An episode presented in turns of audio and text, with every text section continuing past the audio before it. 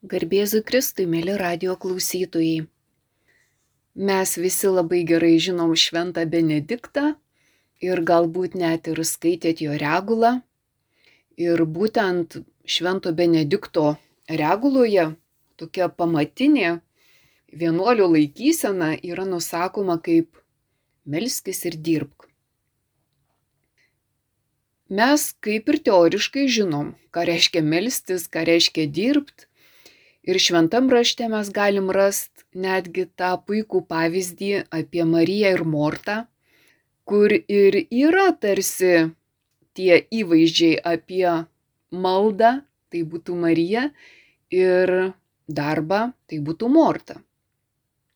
Bet Morta yra perspėjama. Kitaip tariant, kad ta mūsų veikla, jinai gali būti visiškai tuščia, bergždžia, pilna triukšmo, žodžiu, nevaisinga, neprasminga.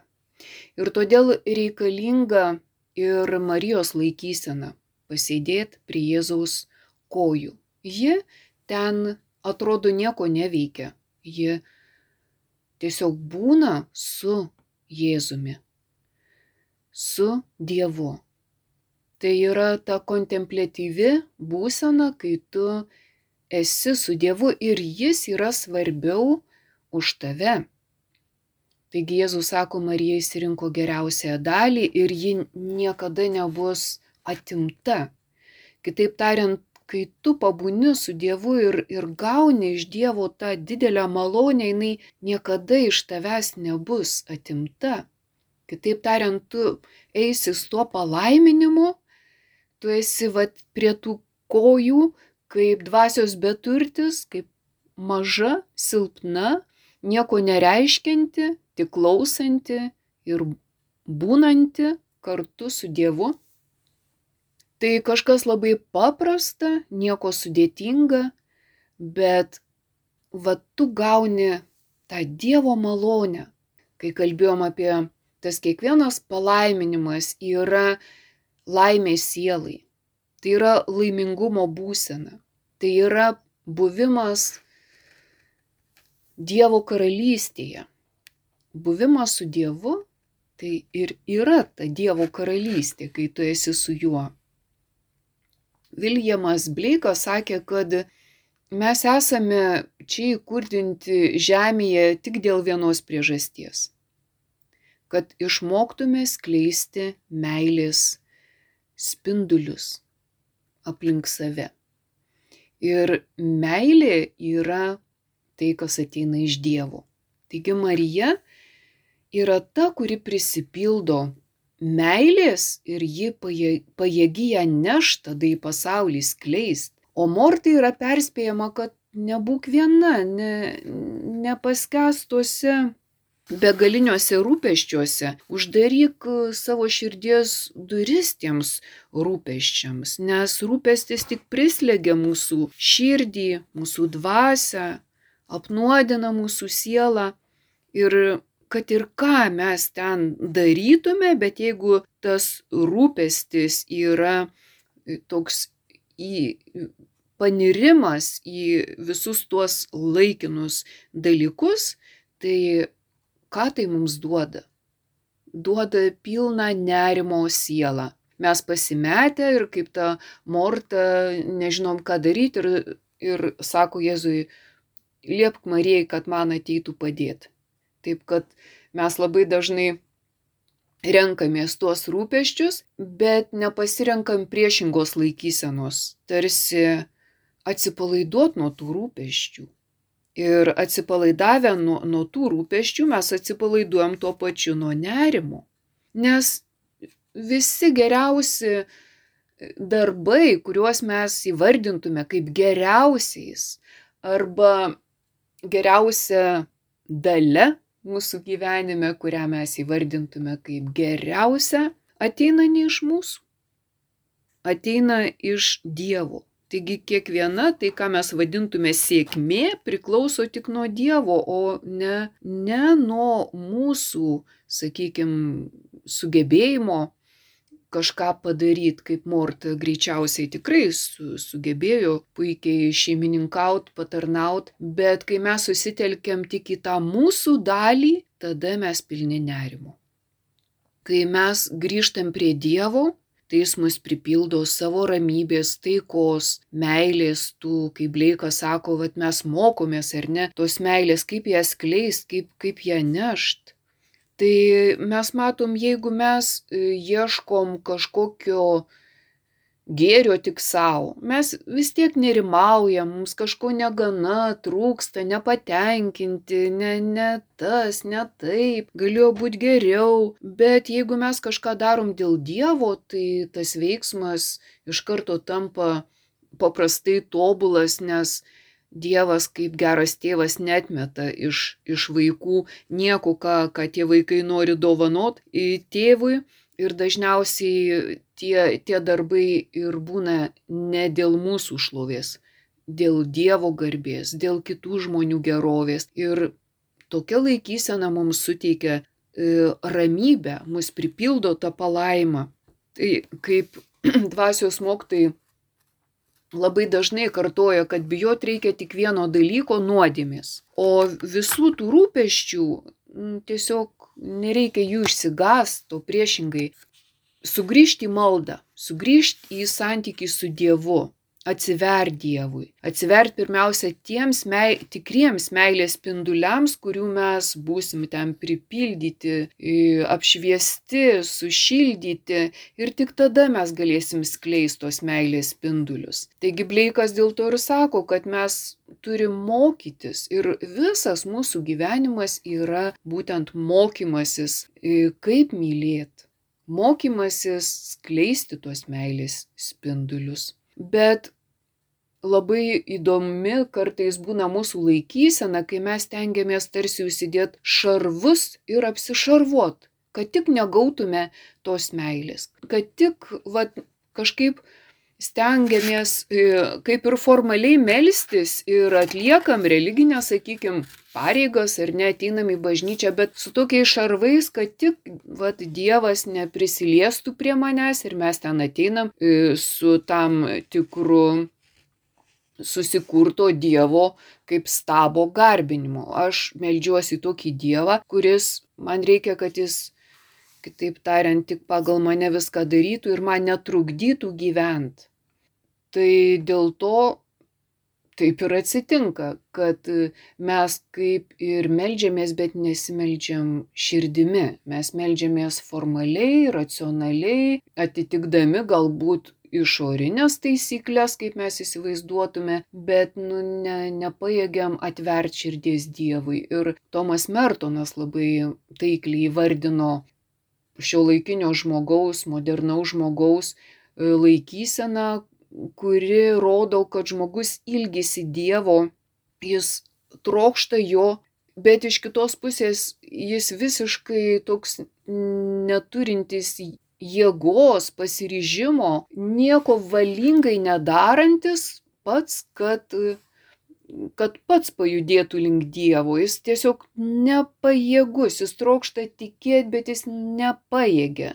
Ir vat, tarsi jo širdis yra uždaryta. Galva veikia, galva sako, kad reikia e, Dievo, kad viskas gerai, bet, bet širdis yra visiškai uždara. Taigi ta problema galbūt mes jos net nepastebim, kaip Tomas Mertonas sako, žmogus nesupranta, jis taip jaučiasi, bet jis nesupranta, nes širdies atvėrimas nėra kažkoks racionalus, loginis dalykas, tai yra nuoširdumas, tai yra tokia meilės laikysena, meilės laikysena Dievo atžvilgiu. O mes tos meilės dažnai neturim, bet turim tą tokį teisinį, tokį aktą atliekam ar ne Dievo akivaizdoj, atseit aš tave, vad, kad reikia, tai pagarbinsiu ir čia tau pasimelsiu ir sudalyvausiu tuose mišiuose, bet šarvai, tarsi užsidedami šarvai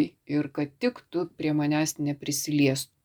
Tai mes esam tokie vat, riboti vargani ir vargani tuo savo tokiu narciziškumu, kad mes susitelkę tik į save, ką aš galvoju, kaip aš suprantu ir neleidžiam, kad Dievas mus pajudintų, iš, išvilktų iš tų šarvų.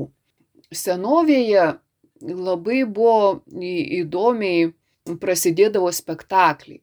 Žodžiu, teatre kabodavo kokios dvi, trys ar net keturios uždangos. Ir jos, kiekviena uždanga būdavo taip kruopščiai ten iš, ištapyta ryškiais vaizdais, kad kai prieš prasidedant spektakliui, vat kiekviena, sakykime, ta uždanga pasikeldavo ir žiūrovas nesuprasdavo, kiek tų uždangų bus. Vienai pakilus galvodavo, kad jau čia spektaklis prasideda. Bet žiūrėk, ne. Už kiek laiko, gruojant muzikai, kita uždanga yra atveriama. Ir va čia tai jau tikrai, tikrai va čia jau, jau spektaklis prasideda. Jau čia turbūt aktoriai žiūrėk, ne, dar ir trečia ta uždanga, ir gali būti net ir ketvirta. Tai panašiai yra su mūsų dvasinė branda. Kad va ta pirmoji tai yra ta tokia kaip ir į teatrą, kam reikia tų uždangų. O jų reikia tam, kad žmogus tarsi save nulukštentų ir, ir atsivertų va tam, kas iš tikrųjų pradės vyktoje scenoje. Nulukštentų savo emocinį sluoksnį, nulukštentų savo tokį ko jisai laukia, ko jisai tikisi, tokio jausmo pripildytą sluoksnį, nulukštena galiausiai tavo racionalius sprendimus. Ir vad reikia to visiško nutilimo, nu, nurimimo. Tai, kaip Benediktas sakė, dirbti ir melstis, ar ne? Nes darbe gali kartais irgi iki kraštutinumų persidirbt, reikia pasikraut dvasiškai, reikia sugrįžti vėl į teisingą poziciją. O teisingai ir yra nuramint emocijas, jausmus, protą, valią išgrynint Ir kad, kad tu taptum va tas tyras, švarus, pats savo aiškus, tada tu vėl gali sugrįžti prie darbų ir pailsėjęs, ir gavęs išminties, nusiraminęs ir naujai matantis tą savo darbą, tu jį vėl iš naujo gali dėl Dievo garbės daryti, kitaip tariant, tu iš maldos grįžęs gali per savo darbą skleist meilę. Taigi matom, kad kaip ir Jėzus sakė, atsiverskite, tai, tai čia ir yra panašiai kaip su tom uždangom, kad tarsi turi turėti į tą gilį ir, ir tos uždangos tarsi tau leidžia joms vis pasitraukus, pasitraukus, tau leidžia nukeliauti į savo paties esmę, kol kur vyksta va tas tikras tikrovės veiksmas, ne kaip aš įsivaizduoju. Mes žinom, kiek daug kartais mes gailimės tam tikrose situacijose, kad paskubėjom, kad pasakėm ne, ne tą žodį, kad per greit pasakėm, ne tai pasakėm, kad nereikėjo tiek emocijų, įsisakymo, kam tu reikėjo, arba iš vis, kodėl mano toks nusiteikimas buvo. Ir ir matai, kad vat, visur ten buvo tos uždangos, kaip tie šarvai, kuriais mes tarsi save saugom ir tais ragais nagais mes ten bandom su kažkokia išorinė kova veikt ir, ir darbuotis ir nesiseka ir, ir nesame tie palaiminti, nesam laimingi, nes stokojam meilės, rutinos daug, tokio įniršio, tokio skubėjimo, bet matom, kad tas toks rutiniškas bėgimas e, ratu, dar įvedus galbūt kažkokią lasdos priemonę, ką dažnai naudojam, gero nieko neduoda. Kitaip tariant, tai, ką mes patys darom, mums nesiseka. Reikia Dievo e, pagalbos. O Jėzus sakė, ateikit pas mane, aš jūs pripildysiu kitaip, negu pasaulis pripildo. Taigi, grįžtam prie to, kad me, taip mes galim sakyti melžiuos ir galbūt net ir nemažai melžiuos, bet, bet ko, kokiam lygiai ta mano malda, ar jinai yra tik tai tokia, kada aš galvoju, kad aš nieko nenusileidžiu kitiems ir aš dar daugiau už kitus melžiuosi ir, ir taip kaip kiti melžiuosi, aš tiesiog nesu kitoks negu kiti. Ir Tomas Mertonas vadina tokią laikyseną netikru vidujiškumu, lik ir ieško mes tų tikrų dalykų, bet netikras todėl, kad ne į Dievą atsigręžia, o atsigręžia į kitus, į į pasaulį lyginamės, kitaip tariant, ieškom to įvaizdžio, mano kažkaip panašiai atitinka kaip kitų, pasižiūriu bažnyčioje pasidairau, kad ir visi ten kažkokius telefonus turi rankose ir laikas nuo laiko ten savo žiūri, rašo ir turi ką veikti, o aš tai dar gal ir visai pamaldžiau čia atrodau, ramiai stoviu ir savo mintyse planuoju reikalus be telefono ir taip toliau. Taigi mes labai dažnai elgiamės pasauliškai net ir tais momentais, kuriuos vadina malda. Bet kaip Tomas Mertonas sako, mes visi esam susigalvoję, turim savyje tam tikrą Dievo stabą ir tiesiog bandom mes at, nu, atitikt formaliai, kad va šitam Dievo stabui aš atrodyčiau gerai, nes tas Dievo stabas, kodėl Dievo stabas, nes jis yra pagal mano norą ir turi daryti, kaip aš noriu ir atrodyti, kaip aš žinau, kaip aš suprantu. Bet iš tiesų Dievas, aš net nežinau, kas jis toks yra, kaip, kaip tas nežinomas autorius nežinojimo debesies. Jis ir kalba apie Dievą kaip apie tokį, kuris mums yra kaip debesis. Todėl mums susitikti su tuo debesiu yra kur kas sudėtingiau ir sunkiau, negu, pavyzdžiui, skaityti apie Dievą ar paskaitą, vad klausyti kažką tokio dvasingo ar ne, nes kai aš klausau ar skaitau, tai mano proto gale jaučiasi gerai, aš kažką suprantu, aš galiu ginčytis, diskutuoti arba priimti, nu kažkas, kas, kas lyg ir nerzina manęs. Bet melstis, tai, tai reiškia ta širdies laikysena. Ta širdies tai reiškia, nei, nei tu ten supranti, tai yra tylos būsena, nes jeigu jausmai nenurime, tai tu ten visas skendi, kai kalbėjom pasaulio rūpeščiuose arba savanaudiškose ir, ir negali iš, išsivaduoti, tai ne širdies būsena, bet tai yra tokia nerimo, kuri ten ir jausmus užnuodinus, ir sielą, ir protą. Ir vis dėlto, kad ir tokioje būsenoje, jeigu mes nuoširdžiai atsigrėžėm į Dievą, jis pradeda gydyti mūsų sielą. Taigi, mums yra Dievo poreikis mūsų sielai yra ir jeigu mes jaučiam, kaip tas pats Tomas Mertonas sako, jį, jį visi jaučia, net ir tie patys mums žinomi egzistencialistai, kaip Albertas Kamiu ar, ar Paulius Sartras, jie, jie nebuvo kažkokie užkėtėję bepročiai, bet jie tikrai kalbėjo apie tą žmogaus tuščią sielą, apie tą beprasmį gyvenimą. Jie tarsi matavo žmogaus tą egzistencijos, sakykime, pragarą, tyrė tą žmogaus egzistenciją. Ir, na ir jie kaip tik kalbėjo apie tą tokią beprasmybę, kurią gali ir duoda mums pasaulis, kai mes prasmengam. Tai mąstantis žmogus, mąstantis, su, suvokia tą beprasmybę. Bet tikinti žmogus šitoje vietoje tikrai laimi, nes jis yra ne vienas toje beprasmybėje, kuri kelia tą klaiką.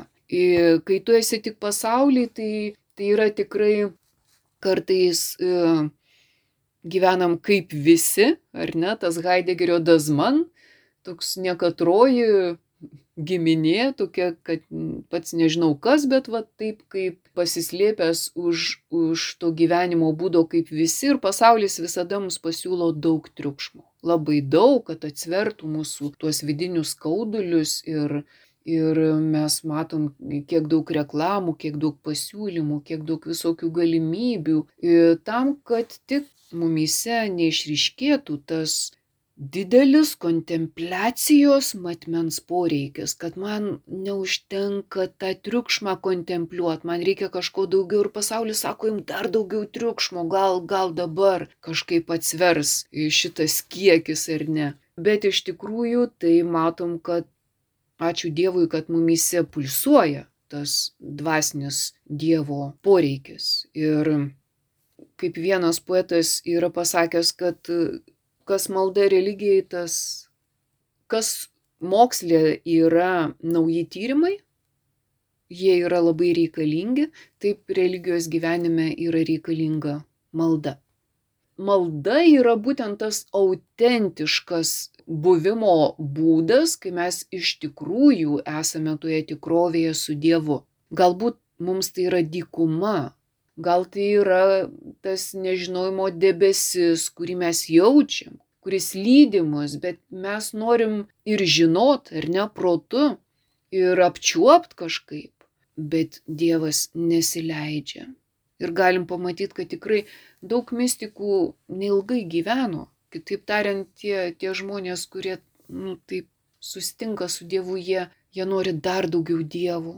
Ir, ir Dievas pasiima juos. Kitaip tariant, tai yra, kai tu randi Dievą, tu randi viską, dėl ko ir Šventas Pranciškus sakė, kad Dievas, ar ne mano ir viskas mano. Tai, tai yra, va ta Dievo karalystė, apie kurią kiekvienam palaiminime yra primenama, bet ta sąlyga yra e, užmiršt tuos laikinus dalykus, būnant tuose laikinuose dalykuose, prie jų neprisirišt. Ir vėlgi prisiminsiu Tomą Mertoną, kuris sakė, kad vienuolis, kuris atkeliauja į vienuolyną, jis atsineša ištisą pasaulį. Visą pasaulį, kuriame jis gyveno, jis atsineša į vienuolyną ir tai nėra blogai, tai yra pirma maldos pakopa. Tai yra ta maldos pakopa, kada jis pradeda melstis už tą pasaulį, kurį atsineša ir tai gali tapti jo kasdienybė, jo visų gyvenimu. Melstis už tą pasaulį, kuris pulsuoja jame.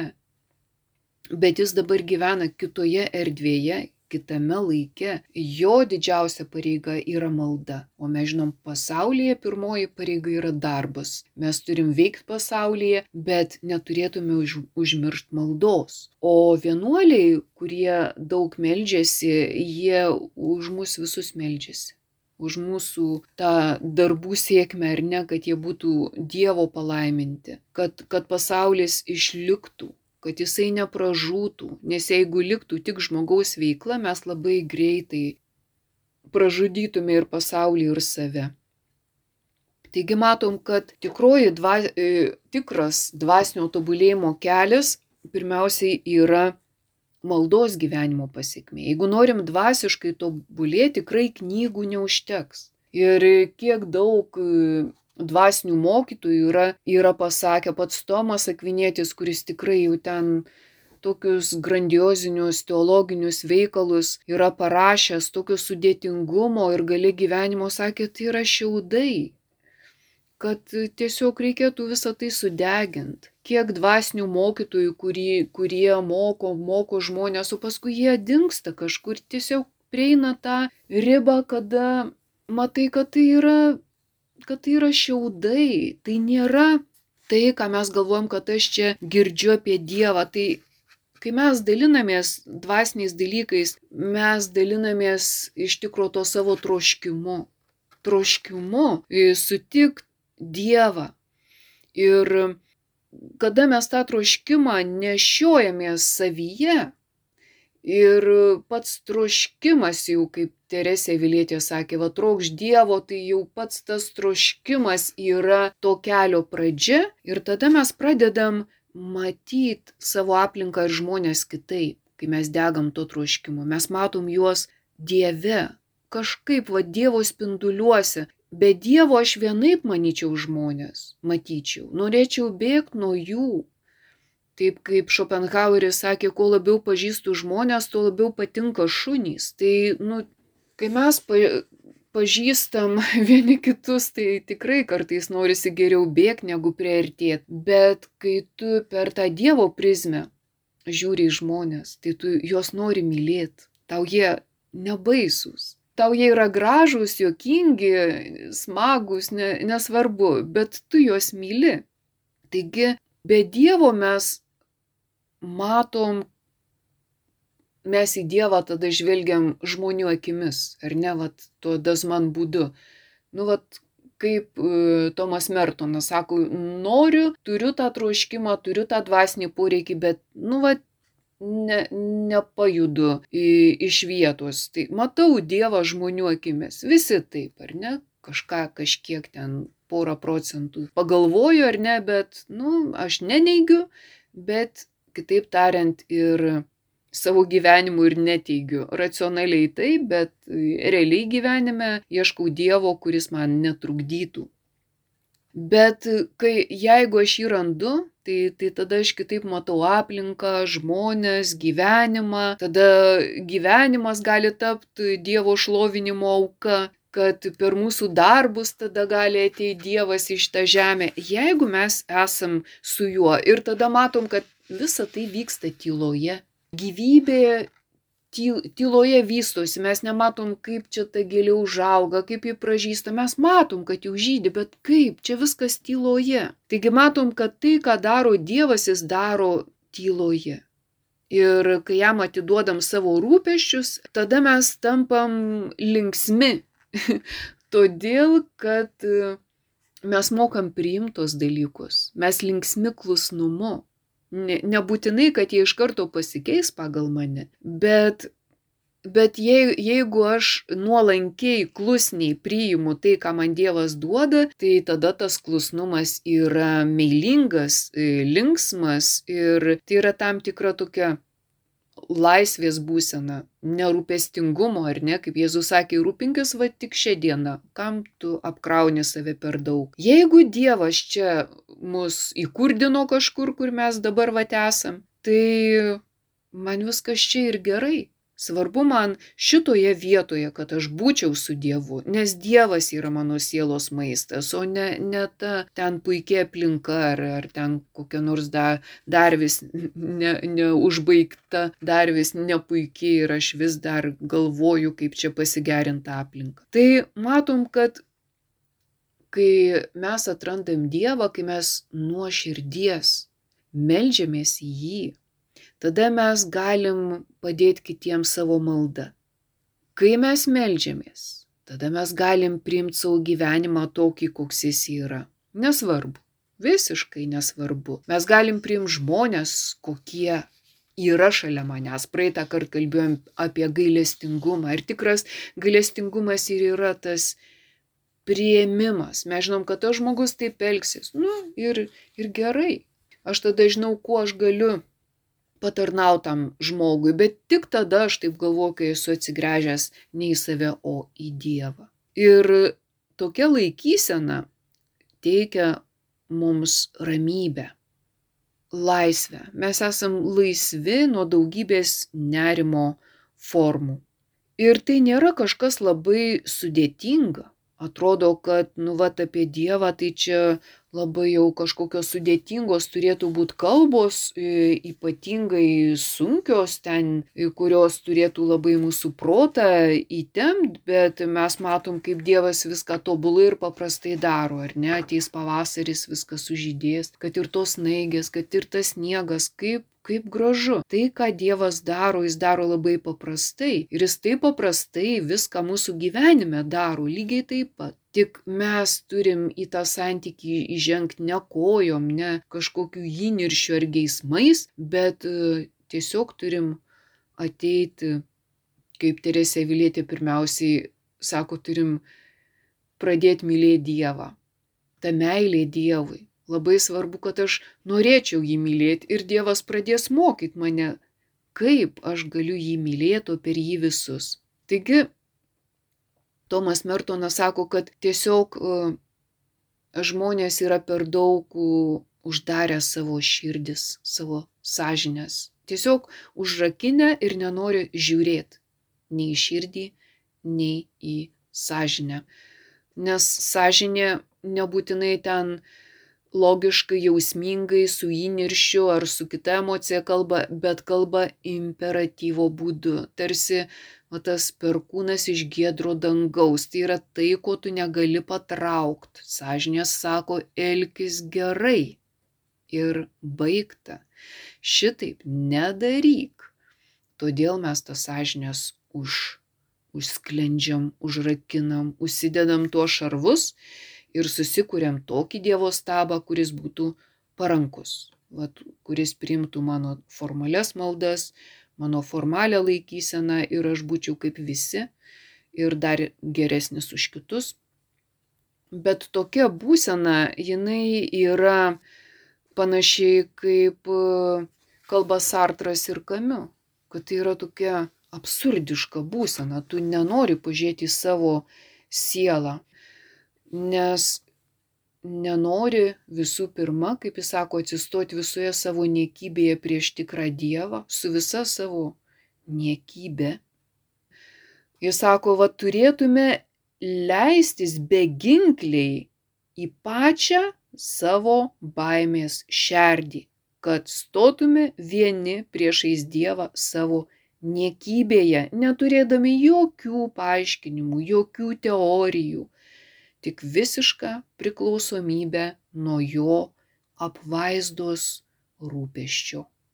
Ir žud būtinai reikalingi jo malonės dovanos, jo gailestingumo, jo tikėjimo šviesos, jo meilės. Ir jis sako, va čia ir prasideda ta tikra, tikra malda, kada tu toje klaikumoje, kaip jis sako, ieškai meilės, toje klaikumoje tu ieškai tos prasmės, tiesos ir visa tai yra Dievas. Ir, ir dėl to nežinojimo debesies nežinomas autorius ir labai panašiai sako, kad ta, tas nežinojimo debesis mums irgi gali tokią gilę baimę sukelti, kaip aš čia tiek domiuosi ir nieko nežinau apie Dievą, ar ne tiek vad gilinuosi ir, ir aš vis tiek apie jį nieko nežinau.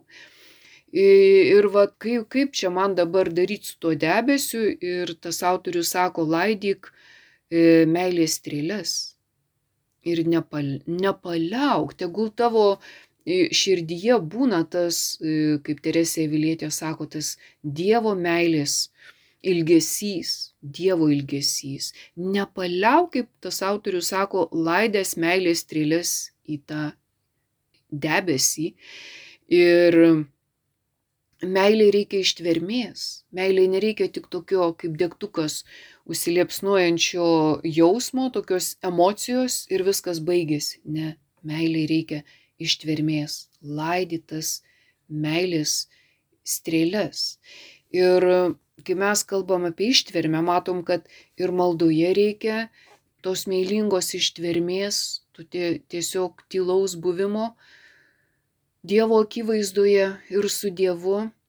Ir lygiai taip pat turim atsinešti tą laikyseną į savo gyvenimą, į savo veiklą, į savo tarnystės, nes šitas žodis tarnystė tik ir įmanomas tada, kai aš esu tokioje būsenoje. Nes jeigu aš nesu tokioje būsenoje, aš niekam nenoriu tarnauti. Niekam. Aš noriu tik reikalauti iš visų, aš noriu tik naudotis kitais. Nėra čia jokios aukos, nėra jokios tarnystės. Ir matai, kad be maldos tu, tu gali jaust šitą keistą būseną, lyg ir tu irgi norėtum mylėti kitus žmonės, tu nepaėgi, kai Tomas Mertonas sako, tu racionaliai supranti, tu nepaėgi ir nepajėgsi. Nes reikia, kad atsivertų tie giliausi tavo širdies klodai, ten, kur Teresė Vilietė kalba vis, apie visas tas buveinės, kiek tu turi ten nukeliauti, kaip tos teatro užuolaidos, vis, vis kita, vis kita, bet, bet dar dar ne, netikras teatras. Taip ir, taip ir čia reikalinga ta ištvermė, keliaujant tą dykumą, kitaip, kitaip nepavadinsi. Ir ta dvasios beturtystė yra, ir yra tokia dykuma, kur tu tikrai jauti, kad tu rasi oazę. Tikrai ta oazė bus. Ir visa giesmių giesmė yra parašyta apie oazę dykumoje. Vat kaip siela suranda Dievą. Kur tyriausi šaltiniai, kur skaniausi valgiai, kur, kur ten tiesiog tik Dievo išsaugota vieta tau asmeniškai tau. Dievas kiekvieną kviečia vardu.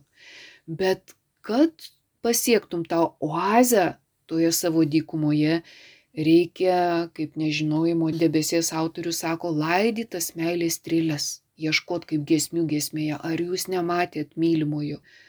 Tai tam reikalinga dvasios beturtystė. Ir dvasios beturtystė yra būtent tos aukos arba tarnystės būsena, kad aš gyvenu, kad tarnaučiau, dirbu, kad tarnaučiau, veikiu, kad tarnaučiau, kad galėčiau aukotis už kitus. Ir tai mumyse ugdo nuolankumą.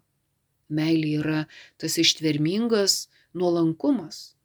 Arba ta ištverminga dvasios beturtystė, kur manęs mažai arba iš vis nėra. Tai vėlgi Tomas Mertonas sako, kad kaip svarbu yra tokia laisva sielos būsena, ieškančios Dievo sielos būsena, kada tu ne savęs ieškai, o Dievo. Ir tu supranti savo ribotumą, baigtinumą, bet tu ne savęs čia ieškai Dievo. Ir tada tau viskas tinka, nesvarbu, kokiu keliu tu ten eitum į tą oazę, ar ne, kokios situacijos, tu per kiekvieną situaciją vis tiek gali ieškoti Dievo. Paties Dievo, ne knygų apie Dievą, ne paskaitų apie Dievą, pačio Dievo. Ir tai mumyse ir atveria vat, vis daugiau tos esmės, kada mes ne kažkuo manipuliuojam, kaip ir, sakykime, buvo laikmetis viduramžiais irgi vadzoizė, apie tai Ekharto mokinys sako, kad tiesiog žmonės ieškojo vienuoliai, tiesiog sukelt savo kančią, ar ne tiesiog na, patys savo sukelt kančią, lyg ta, kai tu pats sukeli tą kančią, tave padarytų šventesniu. Jis sako, ne, daug didesnė kančia yra paklusnumas, nuolankumas, prieimimas tų sąlygų, tos būsenos, tos vietos, to laiko, savęs paties, veik, savo lygų ir, ir, ir taip toliau.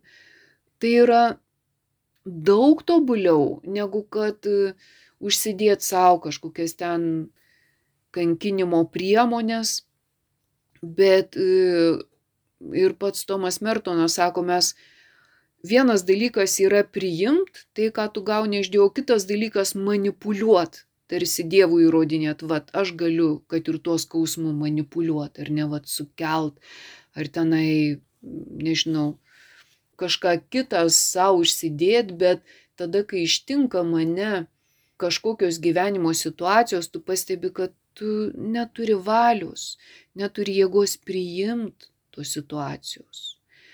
Nes mes turim didelę savivalę, didelę savimeilę. Todėl iš tos didelės savimeilės mes galim padaryti dalykus tarsi tokius, kuriais mes atrodys, kad ne tik kitus pranokom, bet ir save pačius, bet kas iš to?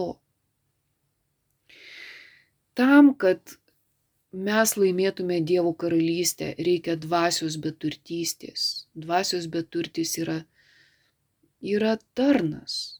Jis yra tas paklusnus, kuris turi, turi šeimininką.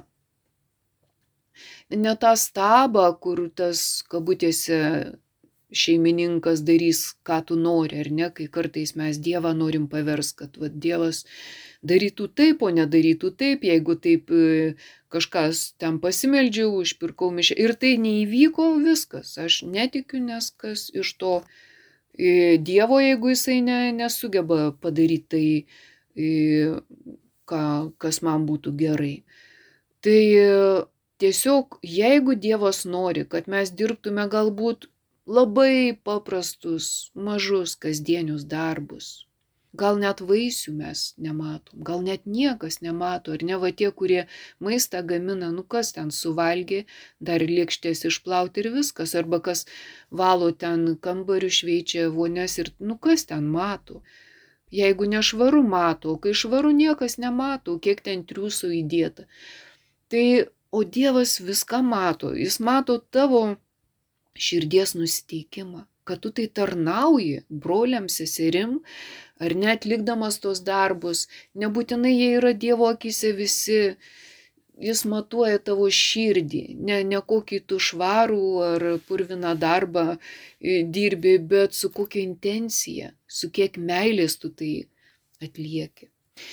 Taigi tikrai gera artintis prie, prie Dievo ir kaip tas nežinomas autorius sako, kad turėtume tiesiog ir gyventi tokią būseną, laidyti strėlės, meilės strėlės į tą nežinojimo debesį. Tomas Mertonas sako, kad mes tokie trapus, beginkliai, nuogi, silpni, savo visoj nekybei turėtum nebijot, atvert širdį Dievui stot prieš jį ir lauktos malonės e, dovanos. Bet e, būtent tokie dvasios moktai mus ir pagodžia, ir sustiprina, ir tuo pačiu pamoko. Taip kaip Izaijo knygoje sakoma, va kas vaikšto tamsybėse ir kuriam nėra šviesos, tegul pasitikė viešpaties vardu ir tegul remiasi Dievu. Arba kitoj vietoj yra Jeremijo čia knygoje yra sakoma, aš jiems duosiu širdį, kad pažintų mane, jog aš esu viešpats. Taigi, matom, kokia yra svarbi širdis. Kaip yra svarbu ta atvira širdis ir prieš Dievą, ir prieš žmogų, ir tai yra daug daugiau už gudrę galvą. Tai yra daug laimingesnis tas žmogus, kuris atveria širdį Dievui ir kuris nebijo su ta tvirta širdim eit, tarnaut broliams ir skleist tą meilę. Kaip Leiko sakė, kad mes, ką mes čia veikiam gyvendami, mokomės skleist meilę. Taigi dienai iš dienos nepritrūkim to ryšto ir kantrybės su Dievu.